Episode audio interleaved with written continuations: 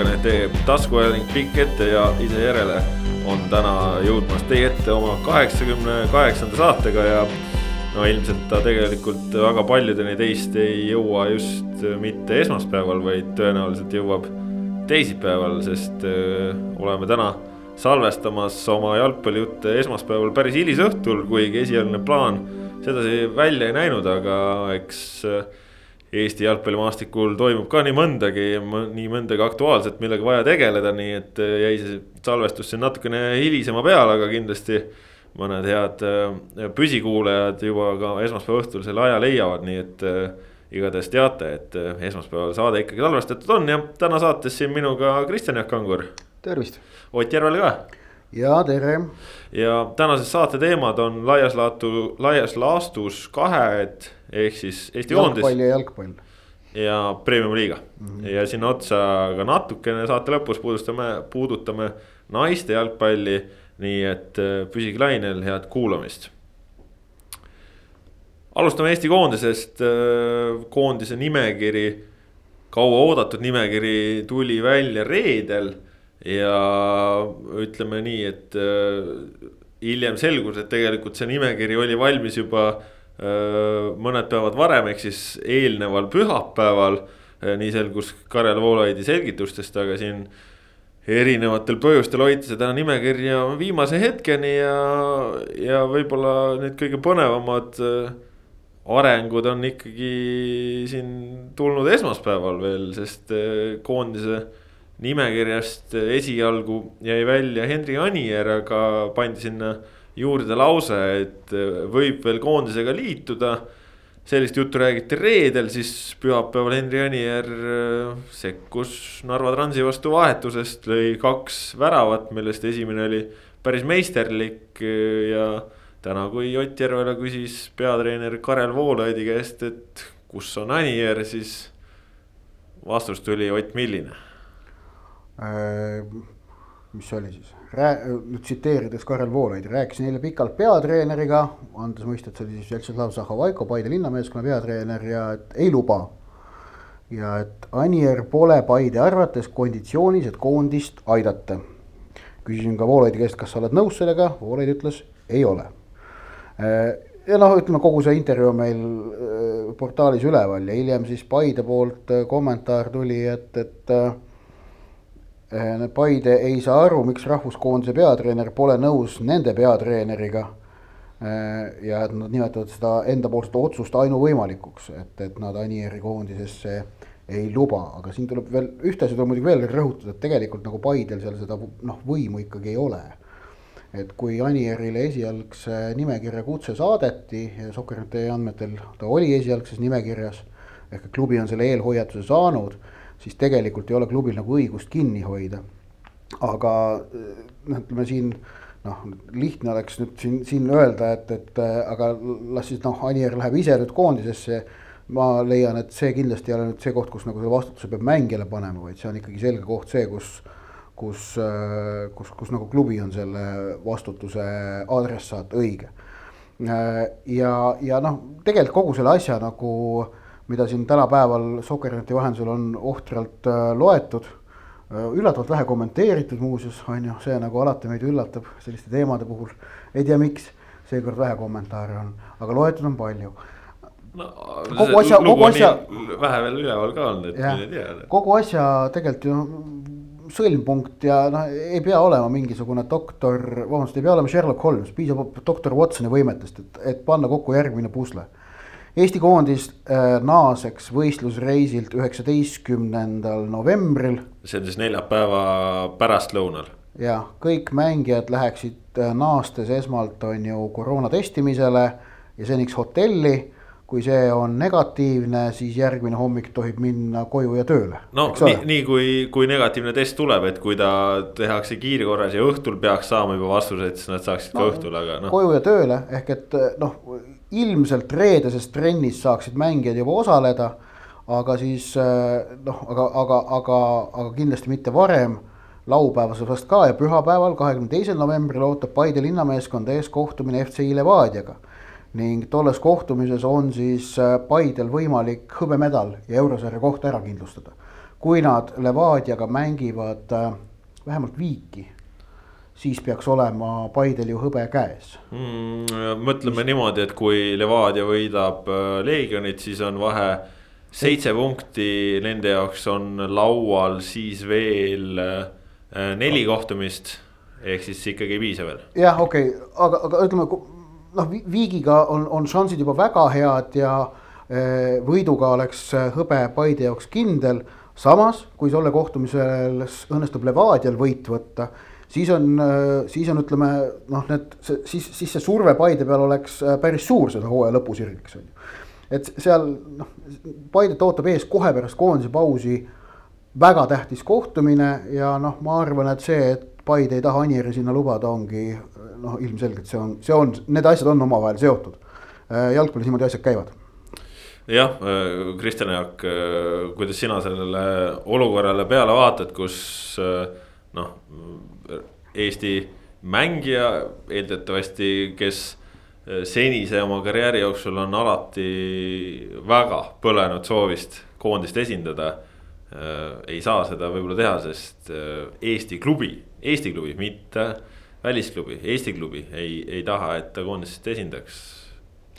no mõtleme korraks nii, et kui oleks välisklubi, et kui tuleb kuskilt välisklubist signaal umbes, et, ei, me lihtsalt ei anna seda meest teile me oleks ilmselt päris verised selle klubi peale.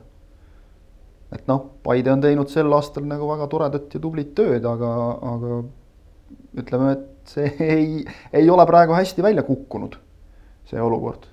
kohe kindlasti mitte. et äh, ma mõistan teatud määral, sest see Oti loogika, noh, see tõesti nagu tundub igatepidi paikapidavat, et selles mõttes võib ju mõista Paidet.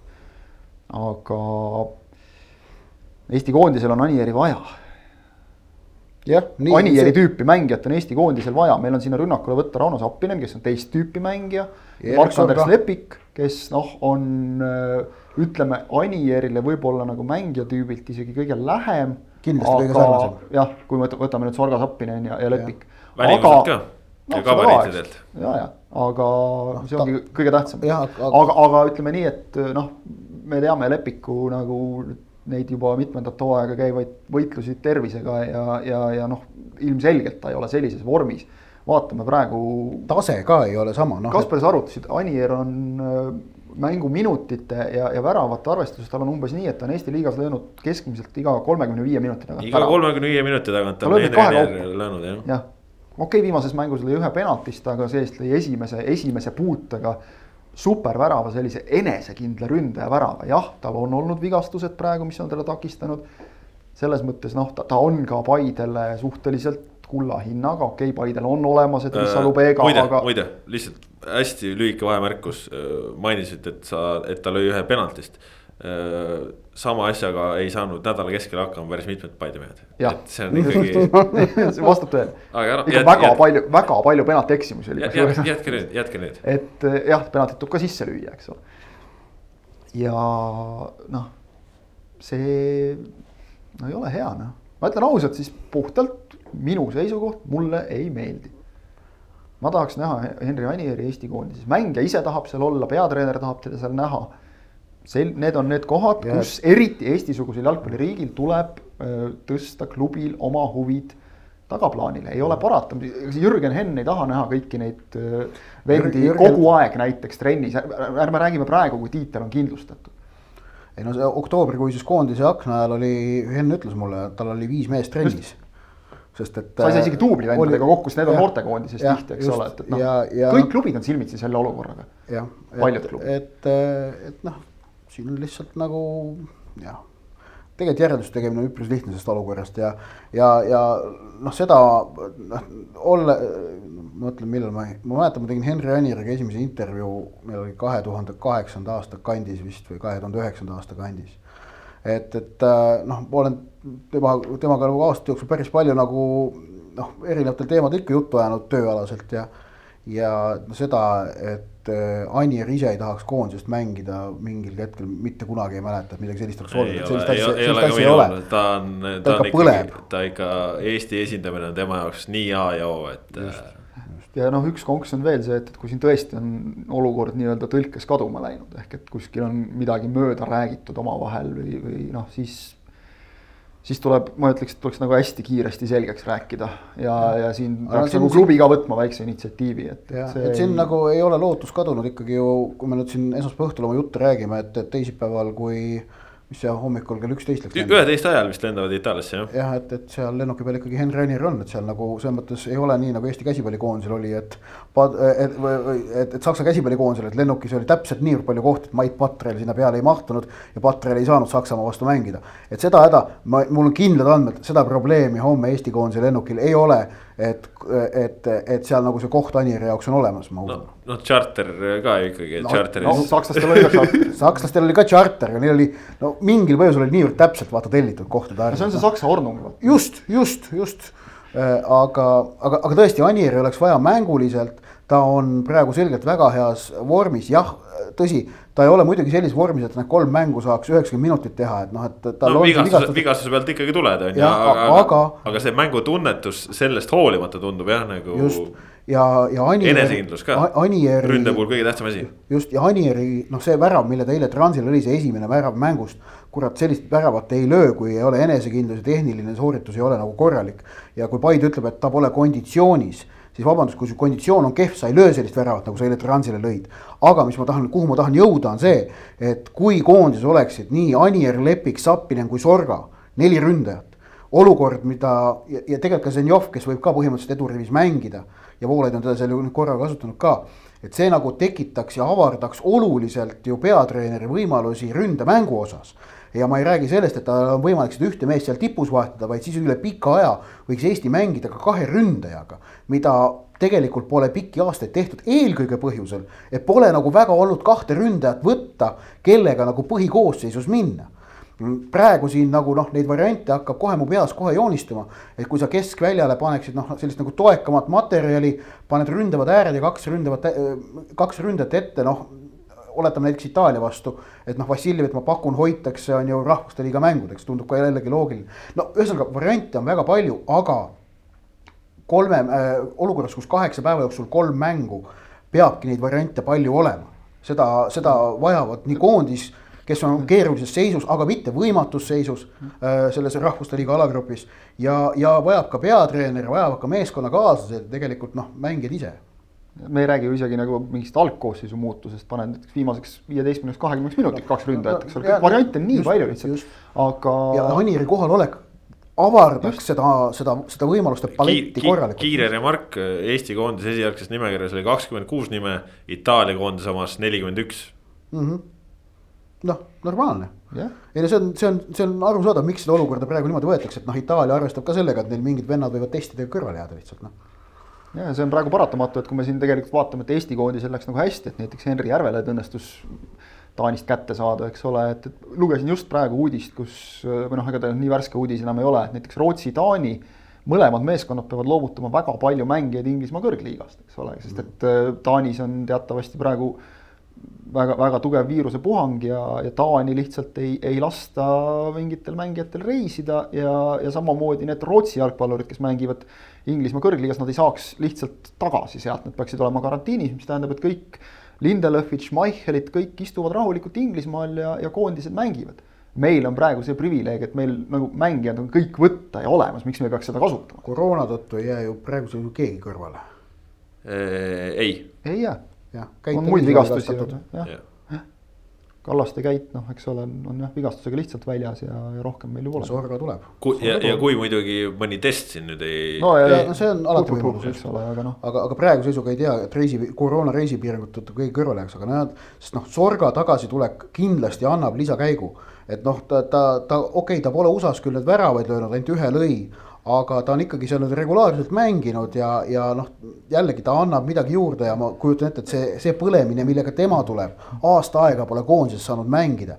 ta on noh, nii näljane nendes mängudes. no just see, et ta ei ole seal ka löönud, et, et see ründaja värava nälg on suur ja noh, nii palju kui Need DC Unitedi mängud on meile nagu suhteliselt halval ajal teinekord, aga mõned on vahel olnud õhtuti ka Eesti aja järgi, et nii palju, kui olen nagu näinud neid, siis Sorga noh, ei saa öelda, ega ta muidu ka siin algkoosseisus ei saaks, et ta nüüd oleks halvasti mänginud, muidu noh, tihti vaadatakse, näed, ei löö kehv. ta tegelikult, ta töötab tohutult, asi, mida on just Eesti koondisele vaja mm, -hmm. väga suure raadiusega mööda väljakut, ehk et noh, tõesti, see on väga tähtis käik, aga, aga kui meil on tegelikult noh, nii-öelda siinsamas olemas see Anieri nimeline käik ja ega pole parata, see nagu sa ütlesid, et Paide hinnangul tema konditsioon ei ole piisav siis sellisel juhul mujal maailmas on ka tihti nii, et, et mängijatel on mingid pisivigastused sellest, kui, kui välismaa meediat loed, pidevalt räägitakse sellest. klubi treener ütleb koondise treenerile, palun lepime kokku, et see mees ei mängi üheksakümmend minutit, kasutab. koondise treener vastab, et äh, vaatame olukorda, vastame vastavalt vajadusele ja nii need asjad käivad jalgpallis. või siis, või siis, kui tõesti ei aita ka kokkulepet, siis sa teed lihtsalt Eden Hazardi koroona positiivseks ja, ja sellepärast jääb koondis minema, et no see selleks on ju see oli nüüd muidugi sihuke vandenõu värk, aga noh äh, jah, las ta jääb, aga mis ma Erik Sorga puhul tahtsin öelda, siis äh, noh. tema on treeninud kuid praegu ikkagi teistsuguse intensiivsusega kui FC Floras. Äh, kui Eesti liigas, noh tööleauandes, et võib-olla see MLS ei ole mingi maailma imeliiga, aga, aga no eestlastest pungil see liiga ei ole ja Eesti väravakuningas seal pole väga väravakuningas olnud, nii et midagi see meile näitab, on ju, et ta on saanud häid eh, sparringuid, aga nüüd. ta ju tuleb oma sõprade juurde, ta näeb Kreidat, ta näeb Lassit ta näeb oma vendasid ja, ja kui sa oled olnud pikalt välismaal, sa oled olnud perest eemal. sa oled olnud lähedastest eemal, sa oled oma sõpradest eemal olnud. ma arvan, ta ootab seda ikka nii väga ja, ja et ta nüüd saab tõestada ennast, see on, see on lahe noh see on lahe, ma arvan, et äh, Sorga võib väga ilusaid asju koondises teha ja, ja kusjuures väga huvitav oleks muuhulgas äh, näha ju ka tõesti, miks mitte duot. Anier võtab kehaga palli alla, lükkab kõrvale ja Sorga paneb neeti, noh ilus ju mm, -hmm. ilus. nii me võitsimegi Itaaliat väga lihtne aga, aga minnes siit natukene edasi, siis äh, tegelikult äh, reedene peateema oli ikkagi juuksekarv, sellepärast et äh, Premium-liigas viimastel kuudel vaata et säravaimas hoos olnud Sergei Mošnikov jäi koondises kõrvale. Karel Voolaid ütles noh, sisuliselt, et juuksekarvi ei puudu. ei väga detailidesse ei läinud, et, et kui palju, aga no hiljem selgus, et ta tõesti siis Martin Milleri järel esimene nimi, kes koondisnimekirjast äh, kõrvale jäi ja, ja seda siis ka olukorras, kus meil keskpoolkaitses on, on puudu Mattias Käit oma peatraumaga, ehk siis äh,. Mošnikov jäi kõrvale, Otil on oma nägemus. Järvela juba uriseb vaikselt nurgas ja, ei, et äh, ma ei näe praeguses olukorras tegelikult Sergei Mošnikovile ikkagi koondises loogilist kohta. et, et äh, äh lühidalt siis, et noh, et koondis mängib väga selgelt süsteemi, kus on kaks alumist ja üks ülemine poolkaitsja. ja seda, et, et koondis seda muutma hakkaks, ei ole näha. ja seda, et koondis seda Mošnikovi pärast muutma peaks, ma arvan, et niivõrd sellise, sellise avalduseni ka keegi just ei jõua. minu üpriski selge veendumus on, et Mošnikov ei suuda mängida emba-kumba alumist poolkaitsjat koondise tasemel et see, see roll käib tema jaoks lihtsalt üle, üle võimete. Äh, see nõuab liiga palju kaitsemängu, kaitsemängu panustamist, mis ei ole Mošnikovi trump olnud selle premium-liiga hea vormi ajal. ma ütlen, et tõesti, ta on mänginud hästi, episooditi väga hästi aga nüüd mitte midagi nüüd noh, niimoodi, et liiga parim või liiga säravaim, sellega ma kohe kindlasti nõus ei ole ehm,. ning tuletan meelde mängu Floraga kus äh, noh, teisel poolajal, kui Paide oli null-üks kaotusseisus, siis kas Mošnikov suutis võistkonna kuidagi vedada äh, teisele tasemele, anda uue hoo, noh, paraku ei suutnud. ma arvan, et see on äh, märkimisväärne, et mitte öelda tähenduslik. nüüd, kui Konstantin Vassiljev on koondises olemas, siis on number kümne kohale on, loogika on see, et selles võistkonnas on vaja talle ühte vahetusmeest, mitte kahte ja, ja see üks vahetusmees või ütleme, poolteist vahetusmeest ja see on ilmselge, et praeguse vahetusmees on Georgi Dunjov. et kui meil on üheksateistkümne aastane kutt, kes on seeria A juba kogemust saanud ja, ja tõesti, kelle suures on suured lootused, siis on väga loogiline, et tema on see Vassiljevi vahetusmees ning et sul on rivistuses paar venda veel, kes suudavad põhimõtteliselt seda positsiooni mängida. Martin Miller on väga mitmekülgne poolkaitsja, suudab mängida tegelikult kõiki keskvälja kohti, mõlemat äärt, ründavad poolikud, ka emba-kumba alumist, äh, mida ta on ka Floras teinud, põhimõtteliselt suudab mängida isegi äärekaitset, kui vaja on. Äh, selgelt koondisele väga nagu noh, mõistlik valik äh, sinna, sinna kaasamiseks. nii et tegelikult ma nagu ei näe, et, et et, et kui Paide poolkaitsjatest rääkida, et, et minu meelest nagu Andrei Frolov on, on minu loogika järgi koondisele lähemal kui Mošnikov ja temast oleks koondisele kasu, sest Frolov kindlasti mängiks seda number kaheksa kohta, kus käita meil nüüd puudu. suudaks selle koha nagu, ma usun, tähendab, Frolov suudaks selle koha paremini välja mängida kui Mošnikov. Mošnikov, ma arvan, koondises ei suudakski no mis Frolovi puudutab, siis äh, kindlasti mina Hiiumaa mehena ühtegi halba sõna tema kohta ei ütle praegu. aga olen täiesti veendunud, et Sergei Mošnikov suurusjärgus Gruusia vastu kuuskümmend minutit number kaheksana mängiks välja ilma igasuguse probleemita ma ei ütle, et ta kolm mängu üheksakümmend minta jube hiilgav oleks, aga see, mis ta on premium-liigas näidanud koondise tasemel number kaheksat mängida mingi periood, väga reaalne, väga reaalne. Ja olukorras, kus tõesti ütleme, see kaheksa on väga liikuv ja, ja noh, ütleme, et Mattias Käidi ka samasugust mängu kindlasti ta ei mängiks, kindlasti ta ei mängiks. aga, aga olukorras, kus no. jah, olukorras, kus Eesti koondise mingil perioodil me oleme olnud väga hädas oma loovusega, oma rünnakute ehitamisega siis äh, mulle tundub, et Mošnikov võiks olla mängija, kes suudab sinna just seda kreatiivsust tuua, ütleme ka siis Kreida kõrvale, lähemale, natukene siduda ka mängu enne, kui see jõuab Vassiljevini, see on minu arvamus. Mošnikov, Vassiljev korraga keskväljal ei, äh, koondise mäng, ma ei näe, et sellest head nahka tuleks. no jaa, aga ühel hetkel, ühel hetkel Vassiljev vahetatakse ka välja ja. no me pidime mingil hetkel kahe ründaja peale minema vaata üle, et, et siis. no noh, jällegi jah. No ma, ma ütlen, et äh, Mošnikov lihtsalt see, kuidas ta on äh, Eesti liigas mänginud, välja arvatud siis näiteks see Flora mängija ja siin on mõned mängud veel tulnud, kus ta ei ole niivõrd särav olnud, siis lihtsalt. Nende esituste pealt ütleme, et kui me mõtleme, et Eesti koondis võiks olla koht, kus on hetkel parimas vormis olevad eestlastest jalgpallurid, siis no mulle tunduks, ta võiks olla, ma muidugi saan ka sellest aru, et igal treeneril on oma valikud ja selge on ka.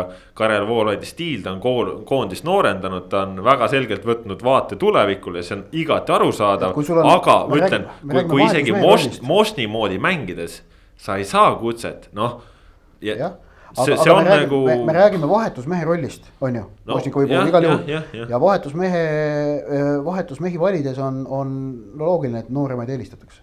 no on jah, aga lihtsalt. Ja, ja siin ongi need, ütleme, et nägemused põrkuvad lihtsalt on ju, et, et, et kui treener näeb, et tema, tema jaoks sobivad ka ongi mängijad, kes ei ole mänginud üheksakümmend minti, ma ei tea, kui kaua, kes on lihtsalt muu varumees. et noh, see ongi, see ongi treeneri õigus on teha need valikud, sest tema peab lõpuks tulemusi tooma ja see on, see ongi tema otsus. aga ma ütlen, kui mina peaksin tegema valiku, mina oleksin Možnikovi kutsunud. mina isiklikult eelistaks antud juhul mitte tingimata nooremat, vaid hetkel paremat. aga see muidugi praegu täpselt, noh, mida me siin arutame, see on meie kõigi maitse ja treeneril on samamoodi oma, oma maitse, oma nägemus, et noh, ütleme, usaldame siis nagu, puudub nagu põhjus mitte usaldada seda, mida, mille Voolaid välja ütles, et tõesti, juuksekarva kaugusel ehk noh, nii-öelda esimene mees, kes välja jäi põhimõtteliselt. eks ta natukene taandub sellele, nagu sa ütlesid, et kas sinna teatud rollidesse on vaja nagu ühte või kahte varumeest mm. -hmm. ja, ja, ja tegelikult üllatav. ja, ja, ja, ja okei, ma, ma selles mõttes ka, et, et üldse, mis on tegelikult siin sügise jooksul nagu läbi jooksnud, et kuidas nagu on võimalik, et meie kakskümmend kolm kõige paremat mängijat ei ole koondises. väga lihtsalt, eh, koondis ei panda kokku nii, et sul on kakskümmend kolm kõige paremat mängijat, vaid kakskümmend kolm kõige paremini sinna sobivat mängijat. ning lisaks eh, võrreldes näiteks premium-liiga mängudega, eh, kus on protokollis kaheksateist kohta siis on sul koondise mängus kakskümmend kolm kohta, neist on ju kakskümmend väljaku mängijatele. et äh, sinna kahekümne kolme sisse on treeneritel võimalik valida mängijaid siin just nimelt nendele lisakohtadele.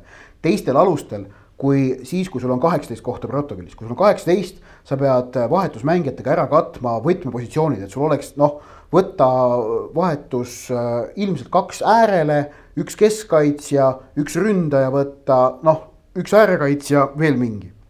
aga kui sul on kakskümmend kolm protokolli, siis on sul võimalik äh, panna sinna lihtsalt äh, mängijaid protokolli mingite noh, nii-öelda erioskustega et lihtsalt mingi äh, teadeski, et sa kasutad teda äkki näiteks mängu lõpus võib-olla kümme-viisteist minutit, sest siis on tema see oskus kulub väga ära. et noh, oletame näiteks mõned aastad tagasi oli selles rollis näiteks minu arust natukene Joonas Tamm.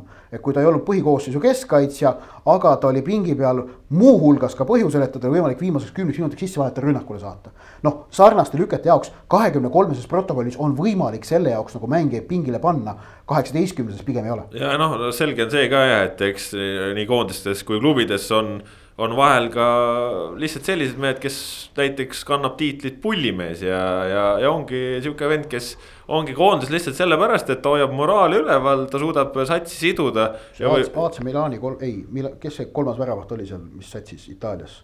kes äh, oli saanud kolm punast, aga aastate jooksul mitte ühtegi minutit. Interis oli ta äkki ikka. just ja massi, nojah. no oli, mis ta oli, noh korvpalli peal on ju ka selliseid näiteid on, on veel, veelgi enam, aga eks see jalgpallis samamoodi ja, ja noh, selliseid asju tehakse, et see meeleolu peab hea olema, aga noh, tegelikult ju, ju mis oli veel huvitav sellest reedesest jutust, siis äh, Levadia mängijad jäid kõrvale siis mitte põhjusel, et nad on praegu koroona tõttu isolatsioonis, mis on ka omaette veider teema, et puutusid kokku laupäeval kokku ja neljapäeval otsustati, et minge isolatsiooni, kuigi vahepeal viis päeva jõudsid oma muud elu elada, aga noh. see selleks, et no eks neid otsuseid teeb see Lanno brigaad, aga, aga, aga minu jaoks ikkagi natukene üllatav, et, et ei olnud mitte ühtegi Levadia venda siis isegi sellise koha peal, et võiks hakata kaaluma, et noh kui me Ožnikovi sobivusest äh, siin rääkisime, siis noh, tegelikult Bogdan Vašjuk on väga hästi mänginud sügisel, väga hästi mänginud ja, ja noh, ütleme mingite selliste oskuslike parameetrite pealt oleks huvitav näha, aga noh, muidugi me teame, et on ka mingeid tegureid, mille pealt äh, ei pruugi näha seda. Jah, eks noh, sama natukene selles mõttes sama jutt, mis Mošnikoviga, et eks ta ju konkureerib nagu suuresti ka sinna kuskile ülemise poolkaitsja positsioonile, et, et äh, ega ta noh, tema on ilmselgelt kõige lähemal jah. aga noh, vaadates muidugi siin ikkagi jälle ka neid Levadia teatud esitusi, siis, siis noh.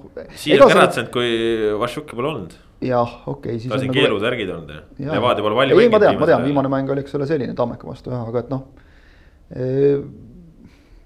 eks ta ilmselt on ka üsna piiri peal, aga, aga ega see nüüd mingi šokk ei ole tegelikult, et võib ju tunduda, et noh, kuidas nii Levadiast ei ole kedagi. šokk, šokk ei ole noh selle nurga alt, et Levadia on tõesti praegu vähem mänginud ja, ja, ja need noh, see, see ei tule nagu nii torkavalt silma, aga noh, lihtsalt ta on hästi mänginud ja ega ka tegelikult Mark-Oliver Roosnupu hoog on järjest kerivam olnud ülespoole. kuule, no lõppkokkuvõttes on üldse positiivne, et me räägime nagu siin mingitest mängijatest, kes nagu võiksid olla koondises, et noh, on, on hästi mänginud, kui see, et, et vaatame juba, et mida see vend seal teeb. no seda küll, vahepeal on. osad muidugi ainult neid vaatavadki, et miks jälle see ja see, see ja see too mängija on seal, et, et meil peaks kuskilt olema nii, nii palju neid Messi siit kuskilt võtta. aga vaata, vaata mingi aeg oligi tegelikult natukene see probleem, et räägiti, et miks on tema, miks on tema. aga siis oli, et aga kes siis peaks olema, siis oli vaikus, aga praegu on juba see, et tekib vaikselt ka seda, et. et kes võiks ikkagi olla ja, ja mitte nagu lihtsalt siin kellegi isikliku eelistuse pealt, vaid, vaid tõesti enam-vähem objektiivsete põhjuste alusel. noh, see on muidugi täiesti nagu sihuke subjektiivne, aga ma ei tea, äkki võib-olla Paide võib õnnelik olla, et Mošnikovi ei võetud, et vaadates, mismoodi mees eile Transi vastu lammutas, siis äkki oli väike lisamotivatsioon. No, või, või, või siis tegelikult äh, noh, selle nurga alt jälle hea, et kui tähtis mäng on tulemas Levadiaga, et siis on ikkagi vähemalt värske. jah, jah, mees on värske ja ajab mehe vihaseks ka, et äkki peaks hoopis koondise treenerile, ma ei tea, tordi saatma või midagi. jah, ja. nagu meil kombeks on tänapäeval teatavasti. või, või Kule... mis see oli, burger oli teine asi vist jääme, jääme ikkagi nüüd praegu sellele kindlaks, et kui siin mõni vend ütles, et ta teeb pühapäeviti Eesti parimat raadiosaadet, siis ei, ei, Eesti parim taskuhääling sünnib ikkagi esmaspäeviti. midagi on sassi läinud. hea, et see paika sai. aga noh, jah, ütleme, et, et ega see koondise seis tundub nagu minu meelest natukene kuidagi emotsionaalses plaanis, jah, okei okay,, need viimased koondise mängud aitasid kaasa, aga nagu kuidagi üleüldse selline vähelubavam, et noh, sa rääkisid Sorga näitel juba, eks ole, et, et siin on on nagu mida tõestada, et ma ei tea, äkki on, äkki on nagu meestel ka natukene selline Eesti hooaeg hakkab vaikselt läbi saama, teeme selle viimase pingutuse veel, paneme koondises ka hästi, nüüd saab ju noh. saab Itaalias käia. vähe soojemat riiki võib-olla. ei no Itaalia vastu mängimine on siin ei, ju, esiteks on ju noh keegi võib mõelda küll, et, et maailmameister on vastas. et mis, mis see, mis see maavõistlus on, aga no sorry, kui sa seal mängus jääd silma, siis sa jääd silma väga mitmele. Ja ärme räägime siin mingist Itaalia, noh, me võime nagu nalja teha, et B-koondised, need on ikka kõvad vennad tegelikult no,. seal nagu hästi mängid. seeria kutid, noh. jah seal hästi mängid, siis sa oled ikka tegija. ja, ja noh, selle nurga alt on tõesti see olukord on väga palju lubavam, sest noh, Sorgast me rääkisime, aga tagasi on ka Karol Mets, tagasi on Joonas Tamm ja tagasi on äh, Sergei Zenjov, kes on praegu Kasahstanis ikka pannud asjad paukuma ja tegema, nii et on siin väravaid löönud ju pea ja õla ja mille kõigega veel väravasööte andnud, nii et väga vajalik vend, et. Äh, jah, emotsionaalselt heas seisus, äh, Karol Mets kindlasti emotsionaalselt heas seisus, äh, uus klubi leitud, noh, mingiks ajaks tulevik kindlustatud, et. natuke siit, natuke siit, eks ole, üks mängija, teine mängija ja nojah, võib-olla kogu eluks, eks ole. tõepoolest, et, et, et ja, ja siis mingil hetkel saab neid kokku nagu neid positiivse hoiakuga vendi nii palju, et tekib selline kollektiivne positiivne see, et, et noh, ega praegu on ka nii, et midagi on nagu tõestatud nende viimaste mängudega ikka, ikka päris nagu naljamehed ei ole, nagu siin vahepeal suur osa nagu avalikkusest juba arvama hakkas. Endale ka meestel kindlasti nagu tõestatud, et me suudame küll.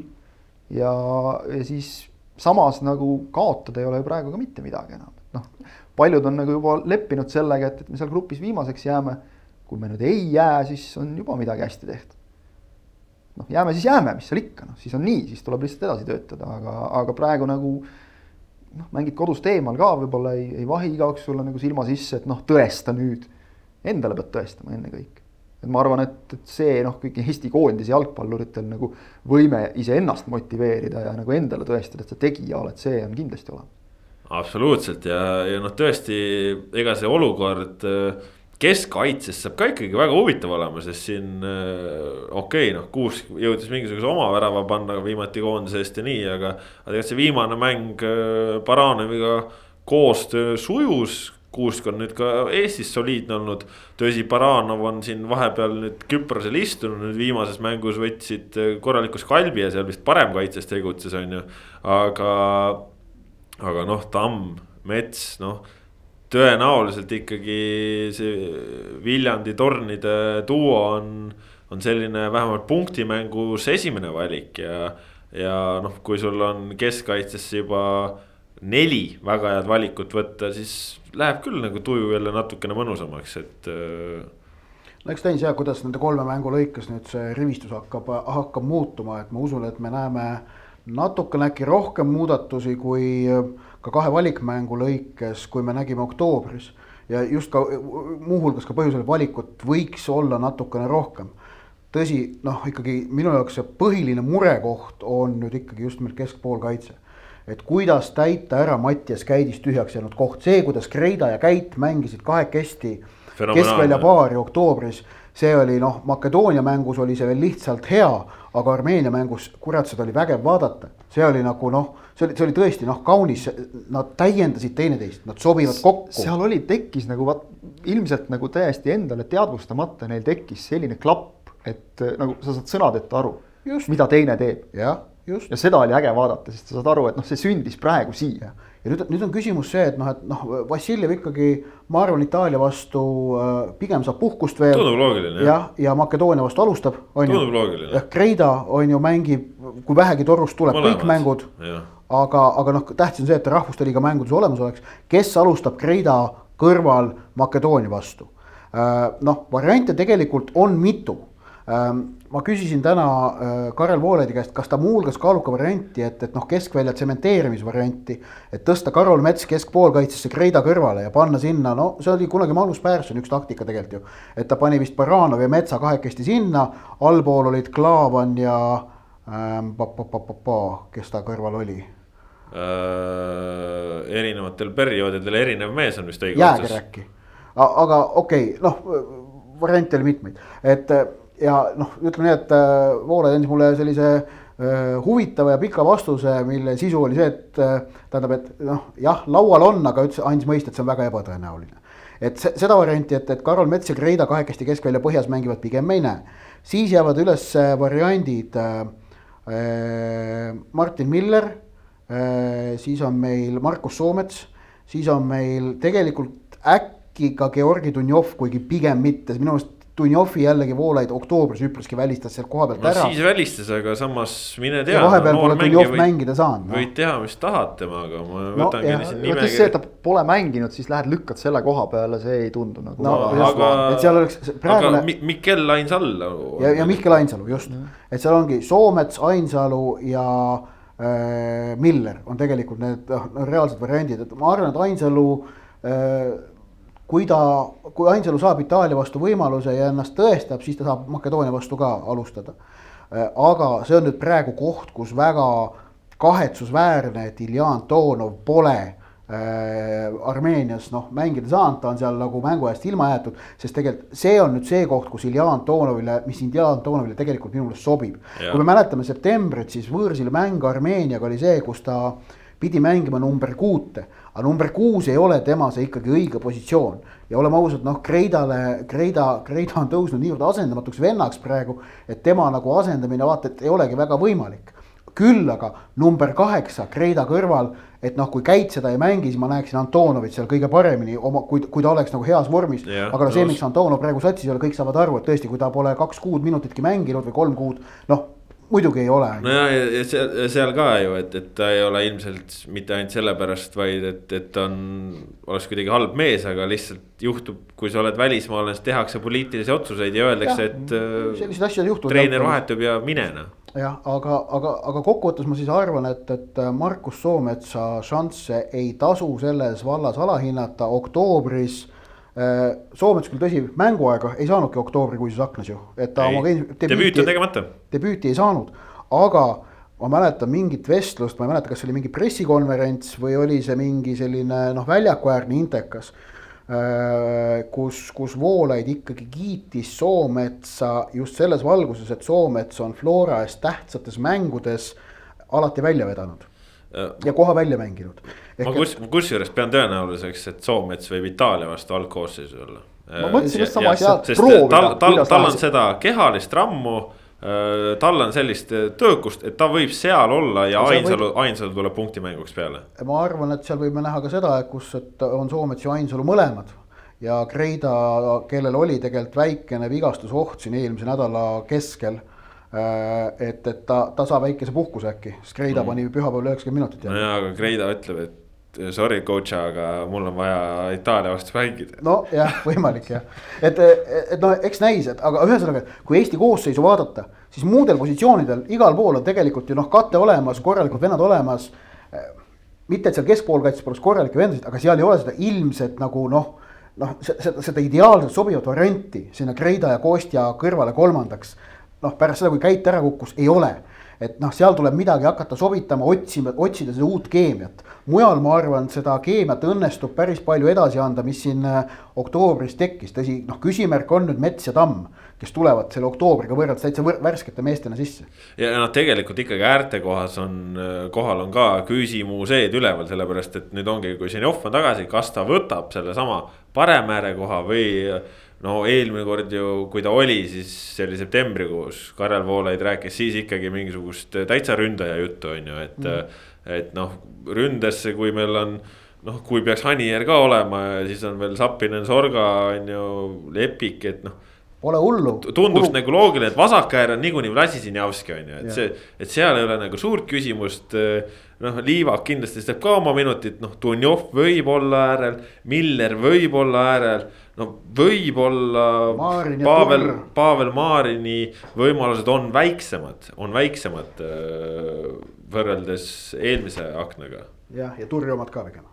jah, on küll väikesed, no ma ei usu, et ta väga palju mängu. Soometsa puhul veel nii mingid palju. minutid saab kätte, aga kas, Soomets oktoobris mitte ta jäi haigeks minu meelest, et tõenäoliselt ta oleks saanud siin jah. oma võimaluse nagu kätte, et kui sa nagu ütled just poolaid noh. tahaks teda ilmselt, ilmselgelt tahaks nagu proovida ka koondises mm, -hmm. siis ma arvan, et praegu oleks nagu väga hea hetk aga kui me räägime veel äh, koondisest, siis äh, tõesti nagu juba enne põgusalt sai mainitud, siis Itaalia Eesti vastu ikkagi noh, tundub, et annab vähegi võimalus on varianti päris mitmele sellisele mehele, kellest paljud Eesti jalgpallisõbrad ilmselt väga palju kuulnud ei ole, kes nagu väga süvitsi just seeria A-d ei jälgi. aga noh, me teame, et, et seal on ikkagi Itaalia kõrgliiga tase ja, ja noh, kui siin Itaalia kõrgliiga tasemest on räägitud, siis juba eelmisel aastal ju Donjoffi sellega needsamad eestlased haipisid, ehk siis see seltskond, mis meil seal Itaalias vastu tuleb, on ikkagi hirmus, aga, aga kuidas te näete, millised Eesti võimalused on, sellepärast et ega Eesti sinna mütsiga lööma ka päris minna ei saa, sest noh, olgem ausad, koondis endiselt. üks jutt on see, et ei ole võitnud, ma juba sassis mitu mängu, aga, aga ütleme, et suurega mängima minek, seal on alati sahmakoht. seal on võrdlemisi suur sahmakoht, ehk siis seda on vaja vältida ja kuidas seda tehakse ma muidugi vaatan kõigepealt nagu seda, et, et mehed, kelle nime taga siis selles esimeses nimekirjas ei ole tärni, osadel on muidugi see tärn, et kui nad saavad kohalikult terviseametilt loa, aga isegi need, kes noh, nagu kindlasti peaksid kohal olema, et et siin on äh, Milan, Napoli, Chelsea, äh, West Ham, veel korra Milan, äh, veel korra Chelsea, Atalanta, Bologna, veel üks Milan ehk noh, Juventus, Monaco, Bologna. Ütleme, et nagu on mõned päris head mängumehed, kes on nagu niikuinii kohal, et, et ma, ma ikka ütleks, et noh, ega selles mõttes nagu nüüd Voolaid peab minema samasuguse või noh, ma eeldan, et nagu läheb ka samasuguse mõttega, et nagu väga kõva sats tuleb vastu. nii nagu seal, nii nagu Itaalia vastu tuleb mängima minna nojah, et kui me vaatame kasvõi võimalikke debütante, keda ka mõned selles nimekirjas on, siis seal on ka Inter, Milan, Sassuolo, Genoa. ja Atalanta, Hellas Verona et noh, ütleme, ma ei ole nüüd Itaalia koondist süvitsi jälginud, aga, aga need rahvuste liiga mängud, mis nad on siin teinud, et, et need on olnud sellised öö, mitte võib-olla päris Itaalia nagu noh, kuldaegade tasemel küll, sellest on asi kaugel, aga selliseid noori huvitavaid tegijaid on, on tegelikult seal ikka, ikka päris palju peale tulnud. Barella. no temaga eesotsas. Ärge rääkige, mul tuleb meelde ta kannasööt nädala keskel. no see oli ikka super. see oli müstiline asi täiesti. ei olnud hästi halb oli see, see, see tegelikult noh, sinus räägib ju vana. sinus räägib subjektiivsus. see oli fenomenaalne sööt, ma lihtsalt äh, ja. vaatasin ja nutsin samal ajal ja. aga, aga et noh, kui sa hakkad sealt nagu tõesti kõiki neid vaatama, neid nimesid, et, et äh, huvitava, huvitava pundi on Mancini saanud enda käe alla või noh, mitte nüüd antud hetkel, sest antud hetkel ta on. Mancinit ei ole. jah, ta on kuskil istub teleka ees ja vaatab, eks ole, aga, aga seal on, kui me räägime siin Eesti koondise puhul sellest tõestamisest, siis oi, kuidas siin on tõestamist praegu selles, selles seltskonnas, eriti kui sul need Donnarummad ja muud mehed tulevad veel hiljem ehk ei tule mängima Eesti vastu kes seal olid veel, seal oli vist. no ja, ja no ütleme. Insigne oli ka seal, eks ole, ja need sellised härrad on kõik seal nimekirjas nagu.. no, no mõtleme, et esimeses mängus Alessio Granio näiteks, et noh.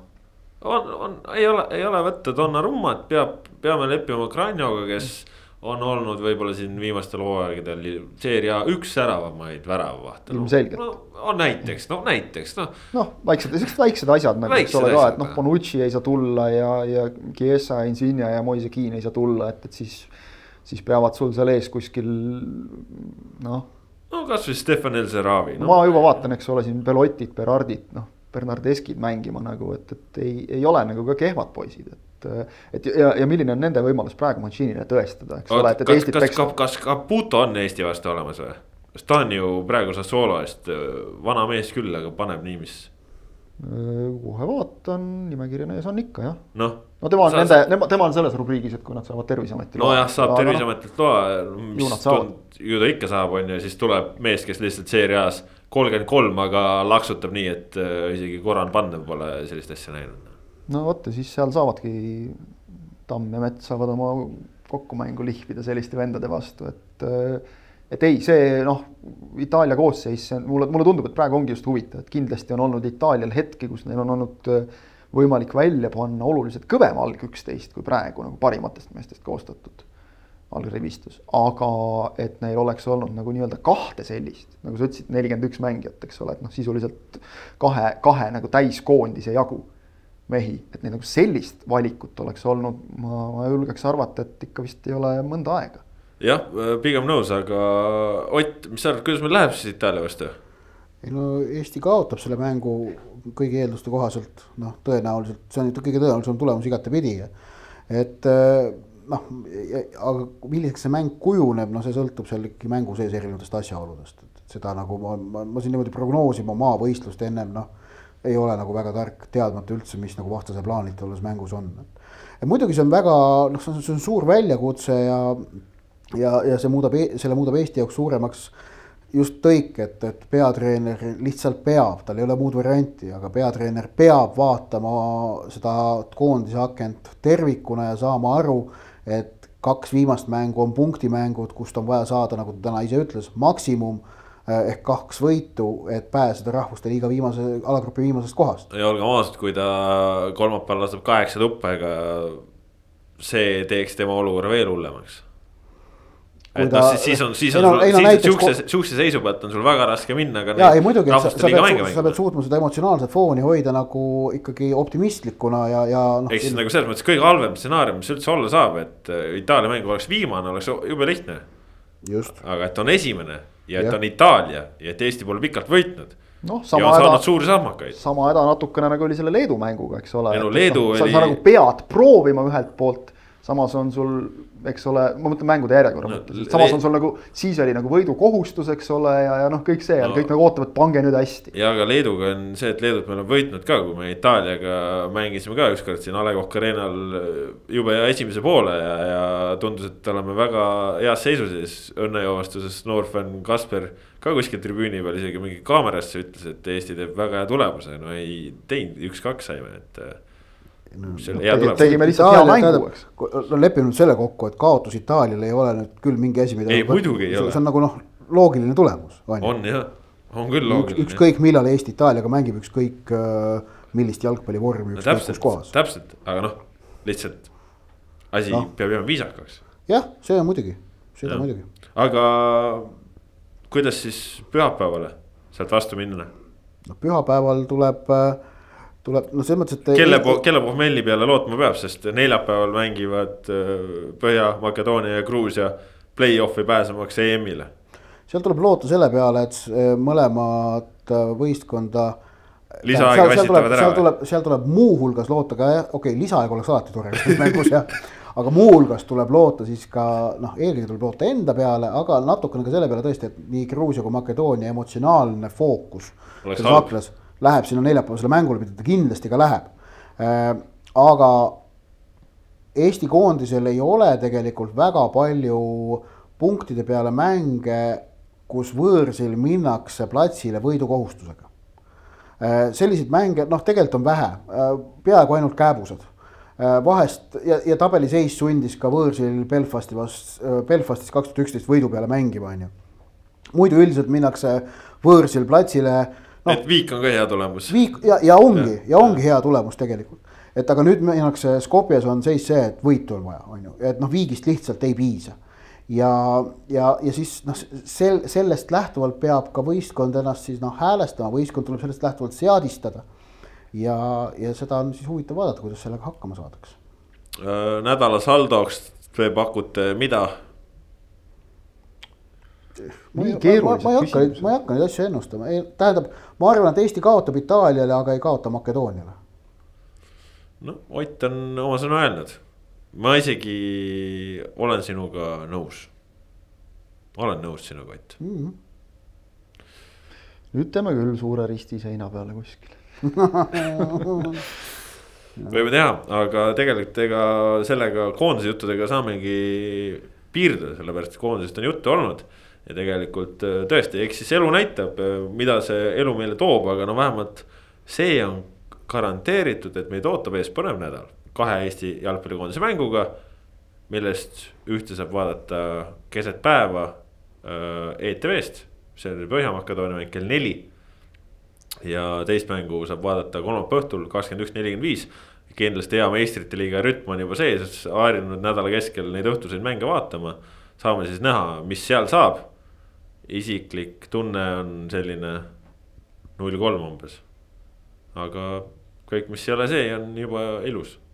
ja noh, loodame, koondis on äh, näidanud äh, arengumärke, saame näha siis, mis, mis saab, et. Äh, et kas oleme ikkagi veel kuskil põhjas või hakkame kuskil üles ronima.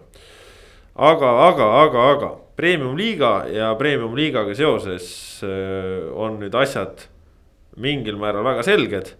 Eesti Jalgpalliliit otsustas reede õhtul et ikkagi seoses koroona pandeemiaga, valitseva olukorraga ei hakata võtma riski, et mängida hooaeg lõpuni nii nagu liiga taaskäivitamisel arvati, ehk siis ülemised kuus mängivad neljanda ringi omavahel ja alumised neli omavahel. otsustati, et kasutatakse esiliiga B varianti, ehk siis esimesed neli omavahel, tagumised neli omavahel ja viies-kuues mängivad, kui kuuendal on võimalik viiendast mööda tõusta ühe mängu. see mäng toimub, sellepärast et tuleviku ja Tammeka vahel on kõik lahti. aga nüüd näeme ikkagi seda, et kogu premium-liiga hooaeg saab otsa siis äh, kolmekümne vooruga.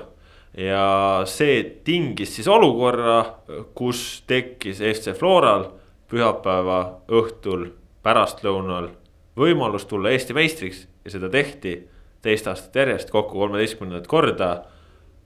reeglid mängisid nüüd olukorra Flora jaoks selgeks, aga samas seda vist ei oleks väga miski vääranud niikuinii. see oli ainult aja ja vormistamise küsimus tegelikult, aga, aga jah, see tiitel tuli siis eile Tartus äh, sai ametlikuks.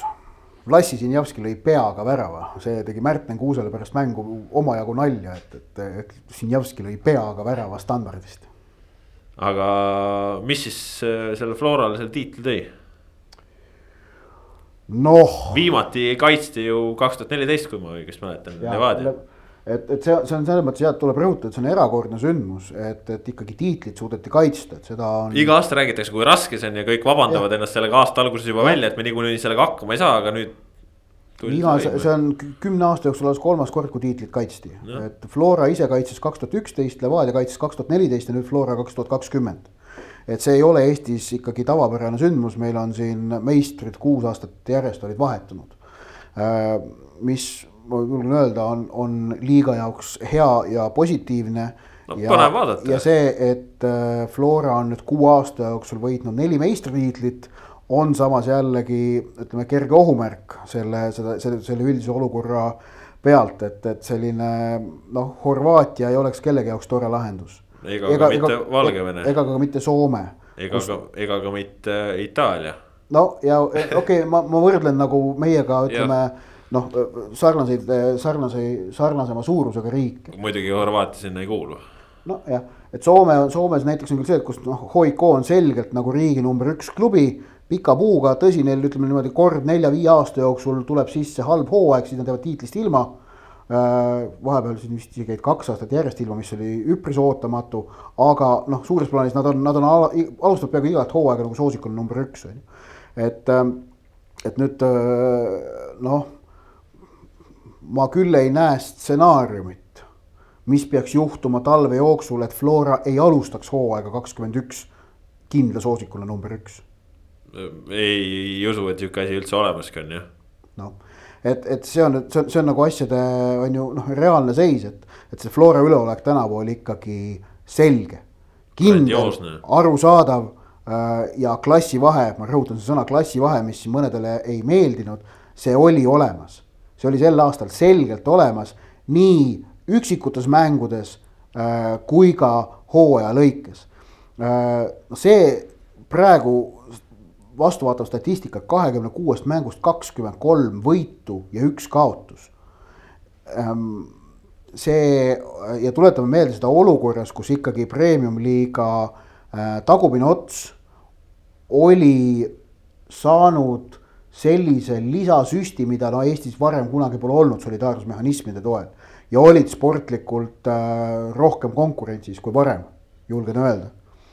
see on väga muljetav. nojah, ma tuli praegu üks sihuke hea piltlik võrdlus, et, et kas te kujutate ette, et mõni teine Eesti klubi tooks omale viimaseks pooleks hooajaks kaitseliini mängija FC Kuressaarest ja tuleks ikkagi meistriks, põhimängijaks. ma minu meelest ka see, kuidas Marko Luka äh, sobitus Florasse valutult ja kuidas Flora suutis ta enda.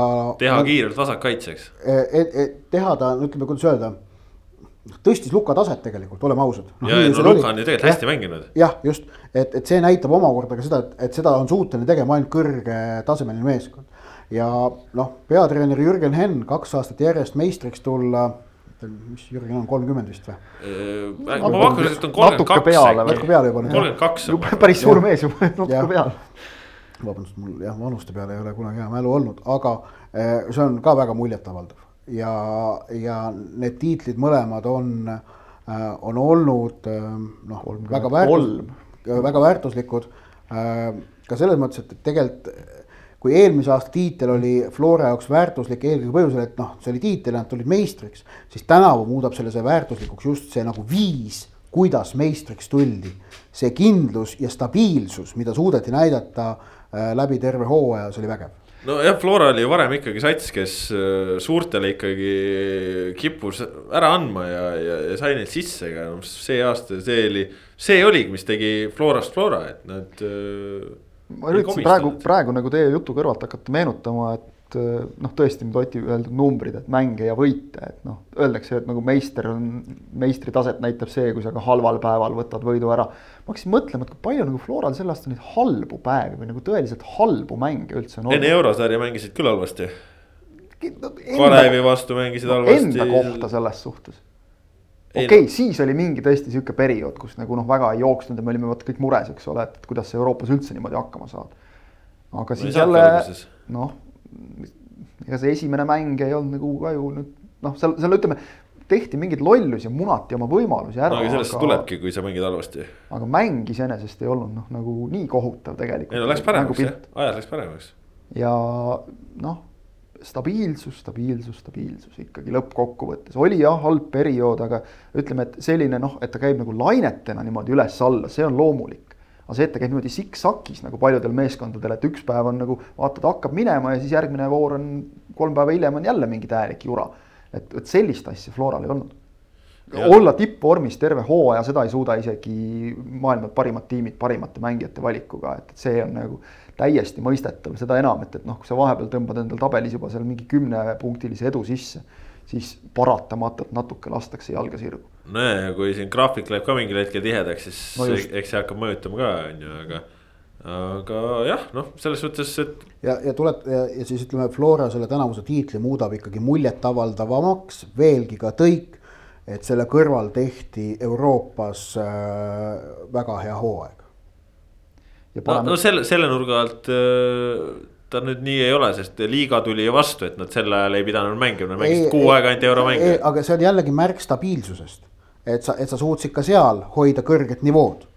Ma ei räägi nüüd äh, siin praegu koormusest, vaid just sellest, et sa, et Flora oli kõikides võistlussarjades edukas. Nad võitsid, okei okay,, supervärkas see selleks, võitsid ära Eesti karika, olid suveräänne premium-liiga liider ja võitja ning tegid ka Euroopas oma kõigi aegade edukaima hooaja. minu arust see eurohooaja puhul asi, mis väärib märkimist, on see, et nende mängud läksid tõususjoones järjest paremaks. Et see on, mis, mis väärib kiitust, et kui sa sisuliselt oma parima mängu teed Zagrebi Dinamo vastu küll kaotad selle. aga noh, me, me mäletame seda mängu, et see oli muljetavaldav etteaste. et Eesti klubi niimoodi mängib, see oli noh sihuke hea sihuke Frankfurdi vibe'i tuli seal, et. no vot, siin on äh, palju on räägitud nagu sellest ka, et, et mis, mis mehi on toodud, eks ole, et, et noh. Esiteks on nagu teatav põhjus, et ega Ken Kallastet ei panda nagu jõuga kotti ja ei tooda Eestisse tagasi, vaid noh, ju ta siis järelikult tahab sellesse klubisse tulla. miks ta just sellesse klubisse tahab tulla, noh, see on ei ole mitte niivõrd vandenõuteooriate teema, kui nagu mõtteaine järelikult natukene teistele klubidele. hästi, hästi huvitav lõbus mõte tuli praegu. panen nüüd juurde siia selle, et, et vaatame nüüd palun, kes nagu, kes ära läksid. Sorgast rääkisime siin, eks ole, et, et, et mis mehed on nagu välja liikunud. Tohib, ma teen oma hästi, hästi, hästi huvitava mõtte, mis mul just praegu tuli, ma pole selle kordagi varem pole mõelnud selle peale. nii. Konstantin Vassiljev, mis karjääritee oli? Poolast kus oli tekkinud raskused Florasse Ken Kallaste, mis karjääritee oli? Poolast, kus oli tekkinud raskused, tuli Florasse. kes meil praegu on Poolas, kellel on raske seis? Hendrik Ojamaa. Hendrik Ojamaa ja Vlasisinjavski välismaale ja oi, voilà. No jah, see on minu sihuke huvitav fantaasia, ma kujutan ette, et Pelle Poolak, kui ta praegu kuulab seda, siis ta Ei. ka muigab mõnusalt, aga noh. Soker.net eel on juba pikk nagu ajalugu lausa mitme aasta. Üleminekutest, jah. jah, et üleminekute käivitajana, nii et jah, Pelle, kui sa kuulad, siis mõtle selle peale aga aga ei no Flora on lihtsalt no on klassivahe, noh. Ma saan aru, et, et ega seda on väga raske võib-olla teistel meeskondadel tunnistada, aga see ongi klassivahe olnud lihtsalt. mida, mida Flora on, on demonstreerinud ja noh, ütleme, et äh, hea, selles mõttes hea, et nad seda teevad, sest et te- teistel nagu on, keda, mida püüda või mille poole püüelda.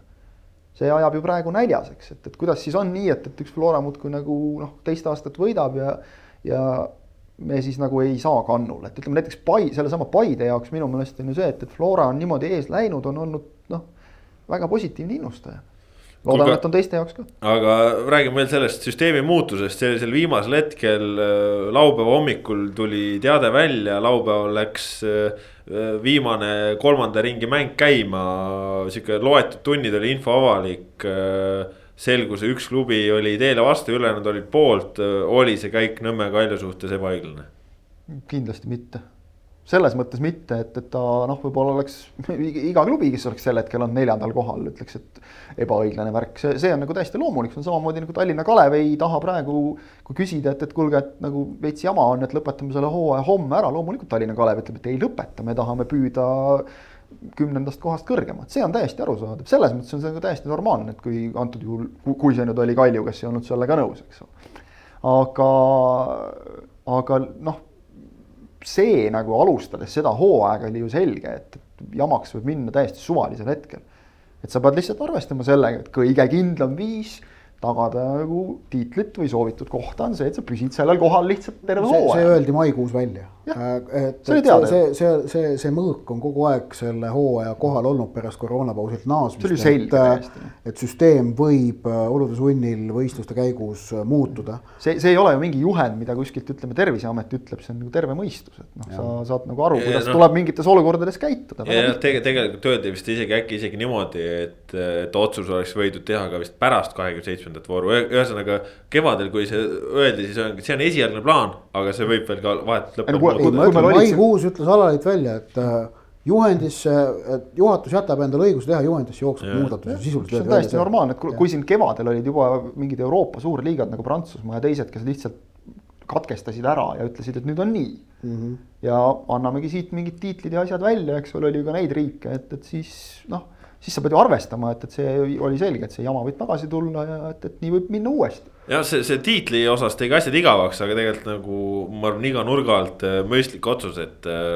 et ka see paar vooru kasvõi sealt hooaja lõpust kokku hoida, et äh, teeb selle asja olukord konkreetsemaks., olukord oli väga lihtne, et äh, kui oleks tekkinud veel kasvõi üks edasilükkamine, poleks olnud hooaega võimalik kaheteistkümnendaks detsembriks ära lõpetada, mis oli pandud lõpukuupäevaks. et, äh, et. ja, ja see viimane jama siis tuli selle pealt, et äh, Levadias üks mängija koroona positiivne ja. terviseamet hakkas jälle šefama ja bossama ja, ja oli Levadia juba kolmapäeval. A Le Coq Arena'l kohal, kohal ka, et Tallinn tervib mängima hakata, aga siis ikkagi tuli, et ei, ei, ei mängi midagi. noh, oleme ausad, arvestades, et äh, nad oleks mänginud Floraga, eks ole, siis võib-olla see Eesti koondisele tuli kasuks isegi, et, et äk- äkki oleks seal võinud juhtuda olukord, et keegi saab viiruse külge jääb selle tõttu koondisesse minemata või siis tegelikult noh, kõigil florakatel, et kui Terviseamet otsustab kogu seltskonna lükata isolatsiooni, siis, siis ongi vähe jama, aga et, et noh. terviseametist ette ei tea midagi. ei, see noh, täpselt seal võib üleöö tulla vastupidine otsus võrreldes sellele, mida seal võib-olla helgemad pead on otsustanud, eks ole, varem nagu, et ma mõtlen just siis terviseameti helgemad pead. aga noh, see selleks, mis nagu nende kallal ka liiga palju nokkida, et, et ega nad on ka sellised tulekustutajad praegu natukene võib-olla ka ebaõiglaselt selles mõttes nende kaela lükatud, et noh. no praegu tundub, jõudu et, jõudu neile ka nagu. praegu tundub, et mõni, mõni vend ikkagi tahab seda. ei no mõni vend tahab jaa, aga no see selleks, las ta olla ka las ta jääb, las ta jääb muidugi. igavahel omad rõõmud, aga, aga see tegi noh, jah, selles mõttes nagu, et, et tiitli osas noh, võib-olla oligi nagu hea, et sai selgeks, sest noh, nagu varianti, isegi kui me oleks mänginud lõpuni siin. Isegi kui ma oleks mänginud täispikkuses viimase ringi kõik kõigiga, siis äh, ikka oleks ilmselt Flora selle ära võtnud, et noh, väga raske oli nagu näha, see nüüd tagapoole otsas tegi, tegi tõesti asjad huvitavaks, sest noh, okei okay,, Paidel ei ole, medal on käes, see sai selgeks. see sai selgeks nädalavahetusel alistamisega. aga, aga noh, hõbe ei ole käes, kaugeltki mitte, me teame, et hõbe ja pronks on seekord, seekord on erivärvi sel aastal. Tahad sa öelda ka, miks Paide jaoks nüüd see eriti tähtis on, sest kolmapäeval oli üks sündmus, mis tingis selle, et see hõbe nende jaoks veel tähtsamaks muutus. jah, et öö, suutsid selles mõttes ühe võimaluse noh, ikkagi maha mängida või käest ära anda, et, et öö, kaotasid karikasarjas penaltitega Viljandi tulevikule ja, ja see tee on Paide jaoks püsti. ja, ja seejuures nad äh, päästsid selle viigi vahetult enne normaalaja lõppu. Ja, ja kui lõpuks penaltid mindi lööma, siis need äh, Paide mehed olid näost ikka täiesti kaamed ja valged. no oleme seal, ausad seal oli näha, et nad ei löö ära neid palle. oleme ausad, noh, seal ikkagi üks asi oli see, et nad olid ise nagu näost valged, aga ma tahaks ikka Karl-Lomet Nõmme ka kiita, et, et see, kuidas, see on nagu parim näide mees, kes sellest, valitses seda penaltiseeriat. parim näide sellest, kuidas. ma ei saa nüüd otse-eetris välja öelda, siin alaealised ka kuulavad, aga noh, ütlen ühe teise sõna nagu troppi mängida. Ehk et, et sa peadki nagu olema natuke mölakas selles olukorras seal vastaste suhtes, et seal ei ole nagu selline, et noh panen sulle palli siia ette maha ja ole nüüd hea, löö nüüd siia ja kõik, et ta töötles seal niimoodi Paide vendi, et, et äh, töötleski ära. ja see ongi, see Ja- ongi sada protsenti normaalne, kuulsin ka pärast mängu, et noh, siin mõni nagu ei olnud rahul, et ebasportlik, mis jutt. Paide treeneri pingilt oli ka sihukest juttu, mulle tundus läbi ülekande. vabandust, ma pean tohutult lugu ja pidasin ka mängijana ja pean ka treenerina lugu Slava Zahhovaikost, et. Slava mängijana oligi parimas mõttes mölakas.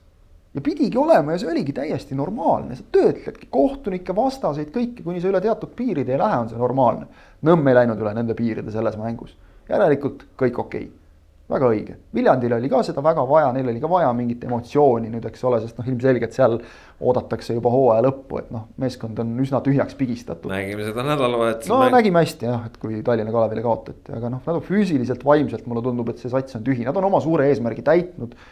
teinud ära rekordilise tulemuse, Viljandi on esikuuikus esimest korda, see on täitsa normaalne, et sul mingil hetkel saab pumm tühjaks. no tänavad õnne ka, et nüüd on ainult üks mäng pidada ja, ja seal on vähemalt midagi mängus.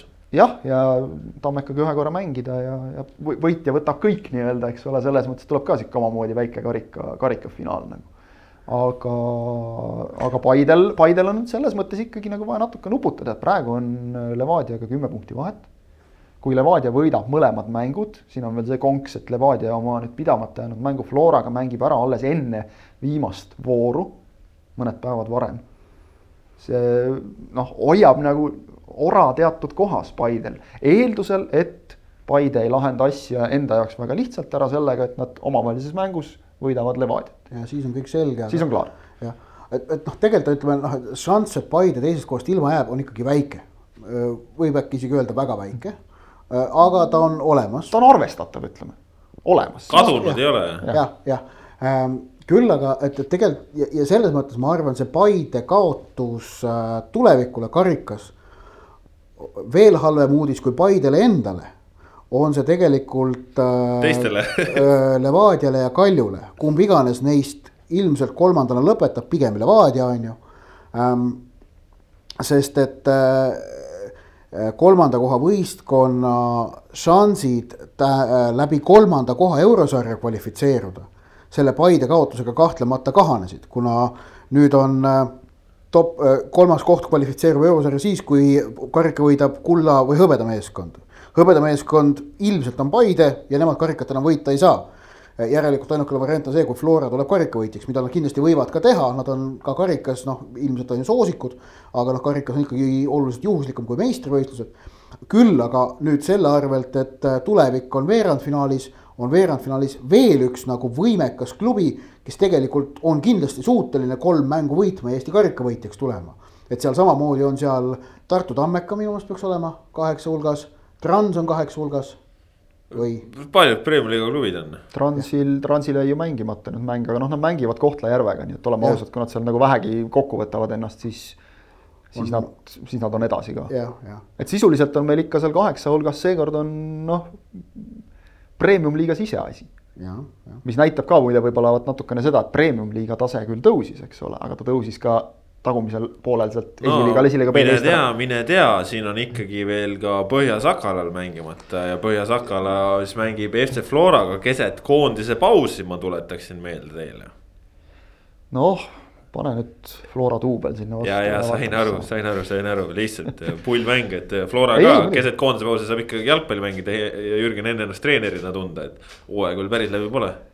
jah vahelduseks ka saab ennast treenerina tunda. ei no veel, no muidu mul oleks ju kõik tehtud siin, vahet pole. see on nagu ütleme, et Fifast, et paned ülejäänud hooajale simulation'i peale ja küll tuleb ära, et taktika on paika timmitud. et seda päris teha ei saa. muidugi seal, ega noh, jah. Inder mitte ei orgla, seal panevad taktika paika ja sa oled lihtsalt. viskad mütsi väljaku ääres, nii saab ka teha täiesti. just, just. kõik on, kõik on võimalik. ja no see on ju, ega me Eesti jalgpalliski teame, et tuleb õigel hetkel väike lõunauinnak teha, küll siis asjad pannakse paika vahepeal. ja mul tuli just pähe, et ega me teame Eesti jalgpallis seda ka, mitte nüüd Flora näitel, aga et, et noh, vahel meeskonna treener tingimata ei ole see mees, kes on väljaku ääres, eks ole, et, et vaid see, kes on juhtumisi tulnud jälle mängu vaatama ja on tribüünil. või siis. kõik on võimalik. või siis treener tegelikult ei ole abitreener, vaid on peatreener ja. Äh, või jah, või võistkonna esindaja ja noh, nii edasi. igast asju, põnevat on kogu aeg. aga ei no selge on see, et äh, noh Paide Transi vastu korraks küll tegi vist oma elu põnevaks, aga, aga sealt said võidu kätte, neli-kaks on ju. mis on nagu veel huvitavam, no Paidest me oleme pikalt rääkinud, ka koondisega seoses rääkisime Paidest, aga. Aga Transil on nüüd ikkagi vesi ahjus, sellepärast et äh, seesama Tallinna Kalev, keda me mainisime, otsustas ikkagi, et nad võidavad tulevikku. kellel noh, selgelt nagu sa juba ütlesid, on tühjaks imetud ja, ja nii ja naa ja, ja nüüd on tegelikult seal tagumises otsas on see elu väga käima läinud ja ei saa välistada, et äh, Trans peab siin ka hakkama veel väga hoolikalt vaatama, et kuidas no. siia liigasse püsima jääda. müstiline värk on see, et Tallinna Kalevil on kolm mängu minna.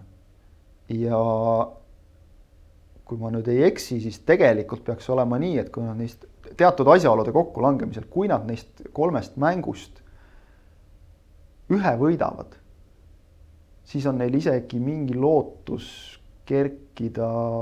ühest ikka ei piisa vist. ühest ikka ei piisa. ühest ikka ei piisa. ühest jääb väheks natuke isegi jah, teatud viikide ja. puhul, aga ütleme nii, et, et neil on põhimõtteliselt järgmise, ütleme siis nii, järgmise vooru järel, kui nad oma järgmise mängu võidavad, võivad nad leida ennast äh, kaheksandalt kohalt, mitte üheksandalt, vaid kaheksandalt.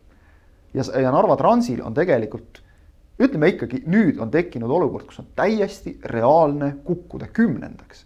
sest tegelikult selleks noh, on ka teatud asjaolude kokkulangemisi vaja, aga kui nad kaotavad, ütleme siis kas emmale-kummale või mõlemale. no esi-, järgmine mäng on kohe Kuressaarega ja Kuressaare vastu on nendel vähemalt kaks meest puudu.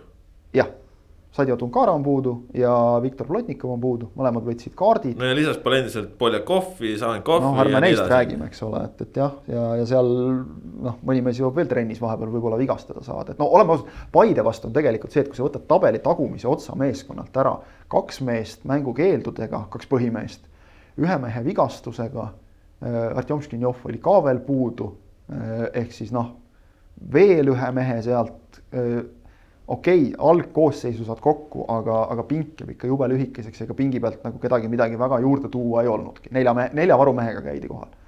ja tegelikult Trans mängis noh korralikult, seal on jälle, ütleme, kasutame jälle seda sõna klassivahe, seal oli, klassivahe oli Paide poole peal, et kui sa saad pingi pealt tuua Anieri, Siim Lutsu ja Davise, kes on siin ka väravaid tagunud paremale ja vasakule, siis, siis on sul meeskonna koosseis päris sügav. see oli päris ebareaalne jah. suhteliselt hull, eks ole ja, ja Transil on ikkagi see, et, et kui nad kaotavad nüüd viimases selles mängude ringis ehk järgmistel mängude puhul kaotavad nii Kalevile kui ka Kuressaarele või siis noh, ükskõik kummale. mõlema puhul on nad kaotusega omavaheliste mängude arvestuses ka miinuses, sest seni on võit-viik-kaotus mõlemaga. mis tähendab seda, et, et noh, tegelikult täiesti reaalne Transil kukkuda kümnendaks. Leegion on siis ka seal, noh, see on nüüd väga suur küsimus on see, et milline on Leegioni motivatsioon. Nad ju tahtsid olla esikuuikus minimaalselt noh, mängida nüüd neid viimaseid mänge no, no, nemad see... nagu kuskile välja kukkuda, noh no,. Leegion, Leegion on olnud praegu nendest tagumisest neljast satsist ikkagi parimas hoos ja noh, nemad siis äh, koroonapausi, mis koroona, koondise pausil mängimas koroonapausi tõttu Levadiaga. et, et noh, Leegionil jah, Leegioni seis on kindel seal, seis on kindel, aga ma lihtsalt ütlen, et võivad väga huvitaval moel nagu kaarte segada, et, et kuidas neil. seda küll. no võivad kuidas, jah kuidas neil nagu mängud välja tulevad selle tagumise otsa vastu, aga, aga noh, Tallinna Kalevi ees ikkagi selles mõttes müts maha, et, et on, on hakatud selliseid noh, nagu ikka, kuidas sa tuled sealt tagant jamast välja, üks-nullidega. Dmitri Kalašnikovs teeb kõva tööd. ilmselgelt teeb No no, ilmselgelt teeb, sest et noh, üks asi on see, et, et ega need mehed on ju samad, aga ta on sealt ikkagi nüüd suutnud nagu ma ütleks, maksimumi välja võtta. Võime rääkida, et natuke oli võib-olla tuleviku vastu õnne, et seal olid noh, mingid kasvõi see, et tulevik lõi tegelikult viigi värava, hetk enne seda oli ikkagi, oli Nikita Komissarov Dominik Ivkitšit selga lükanud värava ees ja, ja värav võeti ära. noh, niisugused nipet-näpet asjadega ütleme, et ega see õnn on ka nagu kõva tööga välja teenitud. ja noh, Kuressaarel no oleks enne mängu läinud, et saate Nõmme Kaljult punkti kätte, ma arvan, Kuressaare oleks vastu võtnud. See, et sa annad kolm, kolmest punktist kaks annad ära vist kuuendal või seitsmendal lisaminutil. kuuendal üleminutil, mida arvestades, et mängu jooksul tehti vist kokku kolm vahetust ja oli üks vigastuspaus, siis natukene tekitab küsimusi. aga, aga nii ta oli ja Kuressaare oleks võitnud, on ju, oleksid nad praegu ise kaheksandad ja. Ja poleks häda midagi, ei saaks arugi, et Kalev vahepeal võitis neli punkti vahet, tunneksid ennast päris mugavalt, on ju. nüüd ise jälle, mis see on, seitseteist mängu või midagi taolist pole võitnud, on ju. ja nüüd ongi tagumine kolmik on kolme punkti sees, kolm mängu kõigil minna ja no võta siis kinni noh jah, no Transi üks.... reaalselt võib välja kukkuda nii Kalev, nii Kuressaare kui Narva Trans ja, ja noh no, see on ikka väga põnev heitlus. ja, ja, ja oleme ikkagi, ma jäin just mõtlema. ja me olime kindlad ju, et Kalev kukub. Ei no kõik olid kindlad, noh. Õnn, Kalevi õnneks ainsad, kes ei olnud kindlad, oli Kalev ise. ja hakkasid no, mängima. Kalašnikovs ma ütleks isegi. jah, ja, ja noh, see on ka, et, et sa tuled nagu poole hooaja pealt ja sa ikkagi suudad nagu meeskonna vaimu ümber pöörata, kõik selle. seda, et Kalev võib välja kukkuda hooaja eel, noh vist, vist ennustasid enamik. et Kuressaare võib kukkuda, noh, pakkusid ka paljud, kumbki ei oleks mitte mingisugune, ma isegi ei nimetaks kumbagi üllatuseks või noh, šokiks. kuid Narva Trans kukuks välja, ma hakkasin mõtlema, kas premium-liiga ajaloos on olnud sellist asja, jätame kõrvale need igasugused need, kes kokaiini müüs ja kes mänge ära andis, kõik need väljaku nagu välised asjad selles mõttes aga nagu puht mänguliselt. no a la stiilis, et Inglismaal tuli Leicester City meistriks ja, ja, ja tõesti, et seal noh, mingid, mingid suured meeskonnad on kukkunud esiliigasse. Aga, aga see, et Narva Trans kukuks ükskõik kuidas, kas siis üleminekumängudega või otse nagu välja esiliigasse, ma julgeks nimetada, võib-olla üks hea kolleeg täna pakkus välja, et, et äkki ütleme, Levadia ja Infoneti ühinemine oli noh, sama ootamatu et seda nagu isegi jalgpalliringkonnas sees olnud inimesed väga paljud noh, ei osanud absoluutselt oodata, et selline asi juhtub. aga, aga see, et Trans välja kukuks, ma arvan, et see oleks premium-liiga ajaloo suurim šokk. No selle. vaadates, mis meeskond neil on. Nad on algusest peale mänginud ju, nad on, nad on üks, üks, üks sats Flora ja Levadia kõrval, kes on ja, kogu aeg pannud. ei ole algusest peale noh. Flora ja Trans on ainult. Levadia selles mõttes alates jõudmisest on ju. alates just no, jah, selles mõttes, et nad pole välja kukkunud selle nurga. seda küll aga jah, algusest peale on, eks ole, Trans kogu aeg olemas olnud ja, ja noh, olnud ikkagi nagu medalimeeskond ja. ja noh, praegu oli ju ka nii, et, et neid pakuti ikka sinna ka esikuuikusse pigem, eks ole, sel hooajal.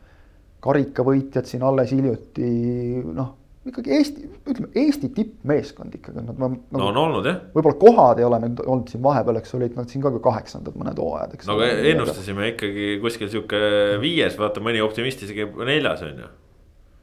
oli selliseid ka jah võis olla isegi, täpselt ei mäleta, aga. ei no aga ütleme, et kui sa sealt nagu võtad, et noh, nad olid jah, meeskond, kes, kellel oli nagu võimalus nõelata, ütleme suur. Aga praegu nagu selles olukorras olla noh, samas vaatasin nüüd kümme mängu viimast kümnest liigamängust kaks viiki. et ikka ilmselt tekkis mingil hetkel see, et noh, me tegime ära selle kohutava alguse järel, nüüd on korras. aga see, see, kui liigas ei ole enam mitte mingeid asju sulle garanteeritud, see on jällegi ainult positiivne ja, ja noh, siin Kuressaarest põgusalt juttu oli ka, Nõmme Kalju vastu pikalt-pikalt juhtisid, isegi kohati mängisid reaalselt paremini, mitte see ei olnud äh, selline, et. et kuidagi õnnestus, vaid nii, vaid, vaid Kalju mängiski kehvasti ja, ja seal oldi jah, juba võidus kinni, aeg oli täis tiksunud ka, siis veel viimane corner ja sealt õnnetult mingi pikendamine, Sander Puri noh, päästis Kaljule no ütleme kõige suuremast õnnetusest on ju, et päästis sealt punkti. Aga, aga noh, Kalju jaoks nüüd ongi sellega, et nad sealt punkti said, nende jaoks elu läks väga palju keerulisemaks, samas noh, okei okay, nende Euroopasse jõudmise tõenäosus vähenes, tuntavalt vähenes, aga ikkagi selles mõttes võib-olla siis järgmisel aastal on õnnelikud, et on ikkagi need solidaarsusmehhanismid, mis ikkagi sada tuhat eurot aasta peale garanteerivad, et päris seda olukorda ei ole nagu varem, et kui sa eurosarja ei saanud, et sa täitsa tühjade pihkudega, et nüüd on sul kakssada viiskümmend tuhat versus sada tuhat, et seal on sada, sada viiskümmend tuhat käärid, on ju, aga noh, parem ikka kui kakssada viiskümmend tuhat käärid. kindlasti parem ja, aga noh, see sunnib Kaljut tegema teatud keerulisi valikuid. ei no muidugi ja sunnib, aga eks nad muidugi võivad kolmandaks jääda, nad võivad karika võita, kõiki asju võib juhtuda, aga. loomulikult, loomulikult. aga noh. noh, enda kätes on praegu selles mõttes ikkagi täpselt ennekõike selle karika kaudu just, eks ole, et, et. ja Leegioniga tegid liigas... kindlalt ära, on ju, et. jah, seal, seal kusjuures selles mängus võis nagu näha seda Kaljut, mida me siin nägime ka me ju no. kiitsime neid juba jälle, see oligi eelmisel nädalal kiitsime ja. ja nii kui me kedagi kiidame, siis nad mõtlevad, et oi jube hästi öelda meie kohta, et ärme enam jalgpalli ei mängi no.. mis ma peaks siis ütlema, et ärge kuulake meie saadet või? no kuulake ikka, aga, aga mängige. ärge võtke liiga tõsiselt seda juttu et.... tehke vastavalt meie jutule, ehk siis siin on üldse noh, enne siin rääkisime ka sellest Paidest ja.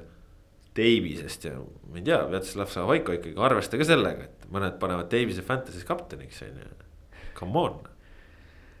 see oli väike nali, see oli väike nali. ja, ja meil on mehi, kelle meelest Fantasy't võetakse liiga tõsiselt on on, on selliseid. siin saates on üks mees, kelle meelest Fantasy't võetakse liiga tõsiselt. on üks mees. võib-olla sa võtad liiga tõsiselt seda võimalust, et teised võtavad nii hirmus tõsiselt, aga hea küll. kuule, see ei olnud see teema. kuidas mul see eelmise aasta pealkiri on, oli, et Kalju teab, et Levadia teab, et Kalju teab, et Levadia teab, et Kalju teab. midagi taolist jah. üks su paremaid no.. aga ei, põnev lõpusirg, väga põnev. väga põnev väga ja, ja natukene võis just nagu karta, et noh, et Flora läheb eest ära, kõik saab nagu tagaotsas selgeks. ma muidugi, kui ma peaksin nüüd nagu Põnevat, raha panema, siis, siis ma ennustaksin seal taga ikkagi, et Trans kuidagi läbi häda võtab oma mingi ühe võidu ja ühe viigi ära ja, ja Kuressaare ja Kalev kuidas seda ei tea, jaotavad omavahel need, et no, kes, kes väga... üleminekumängudele, kes otse no,. siin on väga lihtne, viimases voorus Soccernet tv otsepildis Kadrioru staadionilt Tallinna Kalev versus FC Kuressaare, te ei taha seda mängu maha magada, kõik on öeldud. ja et äh, tagumine nelik äh, tõotab tulla palju-palju põnevam kui esimene nelik. kuigi ka seal on veel teatav. no jaa, aga ütleme, et kui seal see kolmanda-neljanda koha madin nagu jääb niimoodi väga nugade peale, siis. no selles suhtes on ikkagi põnev, okei okay,, Flora on äh, tulnud meistriks ja nii, aga, aga nad peavad mängima veel Paide, Kalju ja kaks korda Levadiaga no nende au ei luba saada lutti need mängud. ja ei muidugi mitte. ja noh, see lisab äh, põnevust, kui ikkagi iga voor on kaks maiuspala juba, see on tore, see on tore. aga ma arvan, siit on paslik tõmmata Premium-liiga juttudele joon alla ja, ja veel enne, kui saate lõpetame, mis tuleb täna ikkagi pikk siis äh, noh, nagu öeldud ka pikk ette ja, ja siis proovime ise järele jõuda.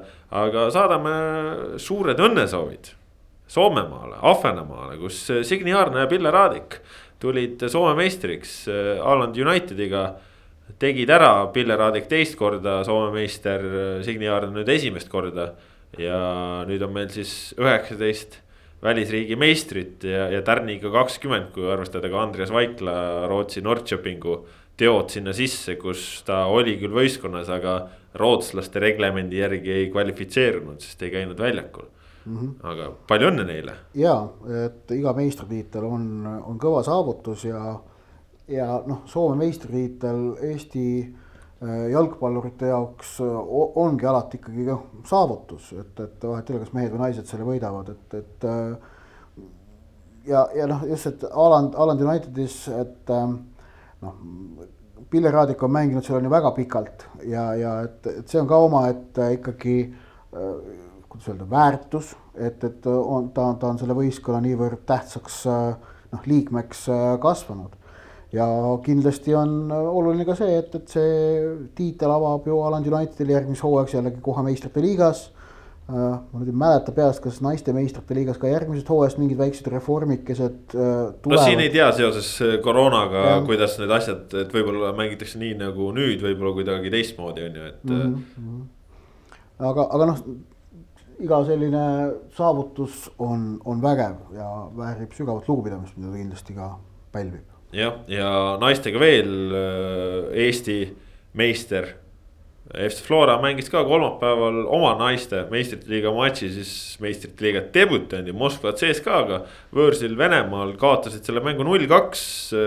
aga selles mõttes ütlen ausalt, ise kartsin hullemat ja, ja noh, tegelikult kripeldama jääb see, et Flora ei suutnud seal oma, oma ründemängu käima saada, et CSKA ikkagi pakkus seal neid variante, neid tühjasid tsoone, pakkus seda ruumi seal liinide vahel, aga. aga Flora siis, kui palli sai, siis nagu muutus kuidagi ebalevaks, samas siis kui kaitsta oli vaja, siis oli seal nii palju võitluslikkust ja, ja tahet ja ja, ja sihukest pingutust, et seda oli nagu hea vaadata. ja mitte ainult aga... võitluslikust tahet, vaid ka ikkagi selget organiseeritust ja üks asi, mis mulle hakkas tolles meistrite liiga mängus silma nüüd, et ma näiteks võrdlesin seda Eesti naistekoondise mänguga Venemaaga, mis oli on ju septembris, see oli see Septem, Jurmalas, jah, Jurmalas peetud mäng. et tolle matšiga võrreldes noh, kuna ütleme noh, nüüd mängis Eesti meister Venemaa meistri vastu, toona mängis Eesti koondis Venemaa koondise vastu, no saab mingeid paralleele ju otsida.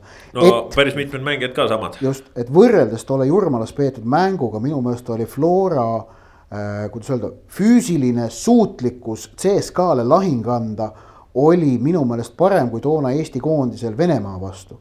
ehk et see füüsilises, füüsilist, füüsilist allajäämist vastasele, mis on tegelikult Eesti naiskondade hädaks olnud rahvusvahelises konkurentsis ju noh, aastaid, et kui nagu ikkagi professionaalid vastu tulevad, siis ei jaksata seda tempot, seda, sellele tempole vastu pidada.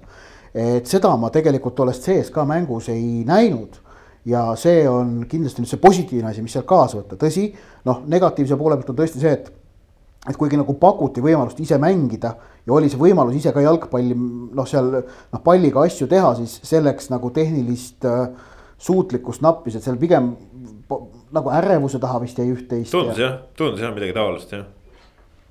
aga noh, selles mõttes see lahing, ma ütlen, vaadata ja kommenteerida oli ka ikkagi positiivsem kui, kui see koondismäng Venemaaga ja, ja, ja, ja nagu ma ei tea, see on sihuke naljakas mõte, aga ma mõtlesin huvitav, et.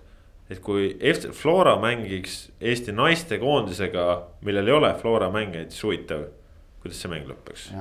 aga see noh, nüüd see, see, see Flora meistrite liiga mäng, et toob, toob nagu esile ikkagi nüüd ühe selge kitsaskoha, mis äh, Euroopa naiste klubisarjades valitseb, ehk et äh, tegelikult ikkagi rahvusvahelist kogemust saavad väga vähesed klubi naiskonnad.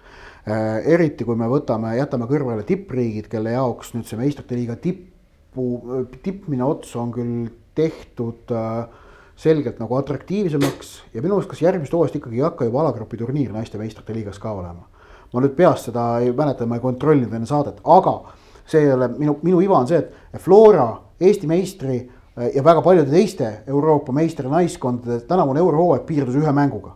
noh, koroona tõttu.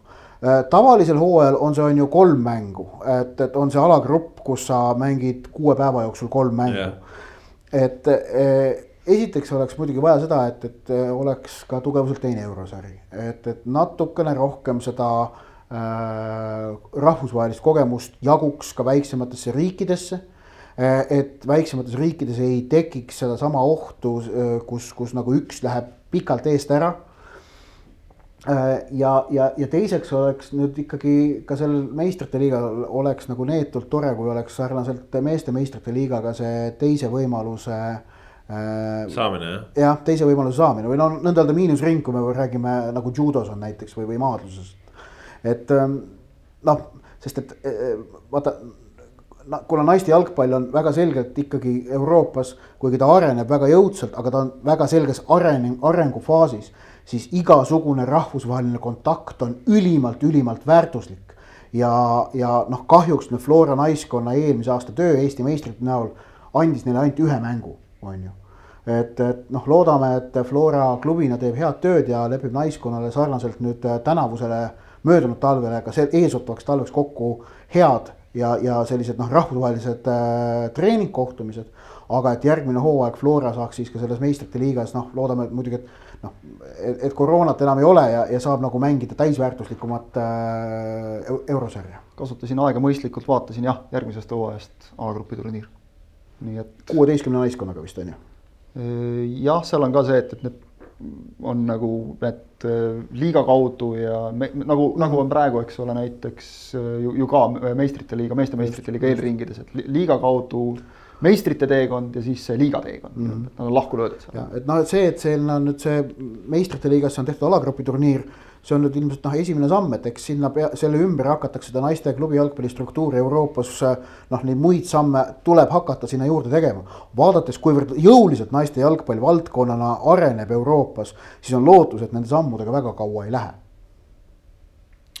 jah, siit ongi paslik tõmmata tänasele saatele joon alla. Praegu loen lihtsalt ühte värsket uudist, et äh, kuna Island mängib pühapäeval Kopenhaagenis Taaniga. ei saa nad kolmapäeval, kolmapäevaks võib-olla sisse Inglismaale. mis tähendab, et järgmise kolmapäeva Rahvuste Liiga kohtumine Inglismaa-Island võib toimuda suure tõenäosusega Albaanias. elame kummalisel ajal aga koondiste juurde veel tagasi minnes, siis ma äh, ka siin saate jooksul mul tuli üks, üks nüanss meelde, mis tegelikult on äh, siis Eesti meestekoondise nüüd sellest aknast rääkides oluline. et äh, pärast käe, ees ootavat koondise akent lüüakse lukku seis, mille põhjal loositakse detsembris valikgrupid järgmise aasta mm valiksarjaks. ning seal on siis seis see, et Eesti on praegu Euroopa sees viiendas kümnes. Kui ma ei eksi, Eesti on praegu neljakümne neljandal kohal Euroopa riikidest selleks, et tõusta siis tugevasuselt neljandasse sellesse äh, valikloosi urni, oleks vaja mööduda Äh, neljast koondisest tõusta siis äh, üheksakümne, no neljakümne sekka. ehk et praegu Eesti on FIFA edetabelis saja üheksas, oleks vaja mööda saada Fääridest, Armeeniast, Küprosest, kui ma nüüd õigesti olen, või ka vist Luksemburgist. no igatahes noh, ja see on äh, circa viisteist kohta. mis tähendab seda, et noh, et et noh, kuna maavõistluse arv, mis siis, et vastas on Itaalia, on, on, on väi, väärtus on väiksem kui äh, Makedoonia või Gruusia. et kui nagu õnnestub päästa see rahvuste liiga alagrupis viimasest kohast pääsemine, kaks võitu saada, siis on päris arvestatav tõenäosus, ma pakun, et kaks võitu võivad isegi aidata selles FIFA edetabelis päris jõudsalt tõusta. see nüüd garantii otseselt ei ole, aga võib juhtuda, et seal võib olla nagu selline väike teine boonus ka mängus saame näha, igatahes põnev nädal ees ootamas, selline oli kaheksakümne kaheksas, pikk ette ja ise järele. tänast saate tõid teieni Kaspar Elisser, Ott Järvela, Kristjan Jaak Kangur. kuulake meid jälle uuel nädalal, jalgpallijutud ja kõik muu oluline ikka Sokkernetist, kõike head, püsige terved, adjöö